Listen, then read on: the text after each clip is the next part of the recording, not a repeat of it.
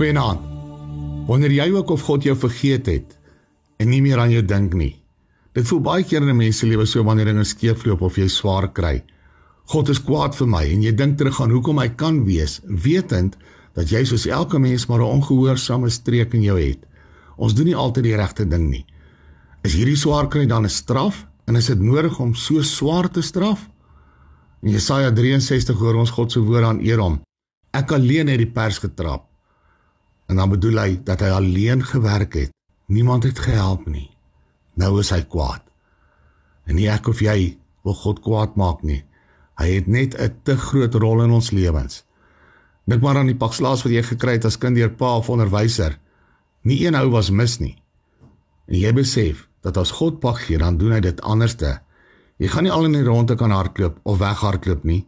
Jy kan ook nie gaan wegkruip of by vriende gaan oorslaap tot jy meer bedaar het nie. Hy is Immanuel, God met ons. Ons is sy tuiste. Waar jy gaan, is God. En ons te wonderlike God van vers 8 en 9 bewys hy sy vaderskap met vergifnis en meelewing. Want hy het gesê, hulle is tog my volk, kinders wat nie sal lieg nie. So het hy dan vir hulle 'n heiland geword.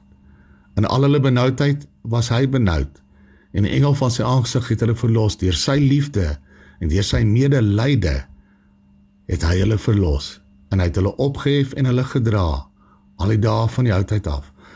En mag jy vanaand met dankbaarheid besef dat God sy stout kinders ook liefhet.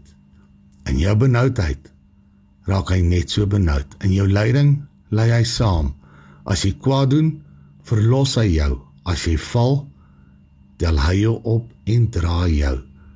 Is dit nou nie 'n lekker gevoel? Enige gedagte om mee te gaan slaap nie. Amen. Nag se Here.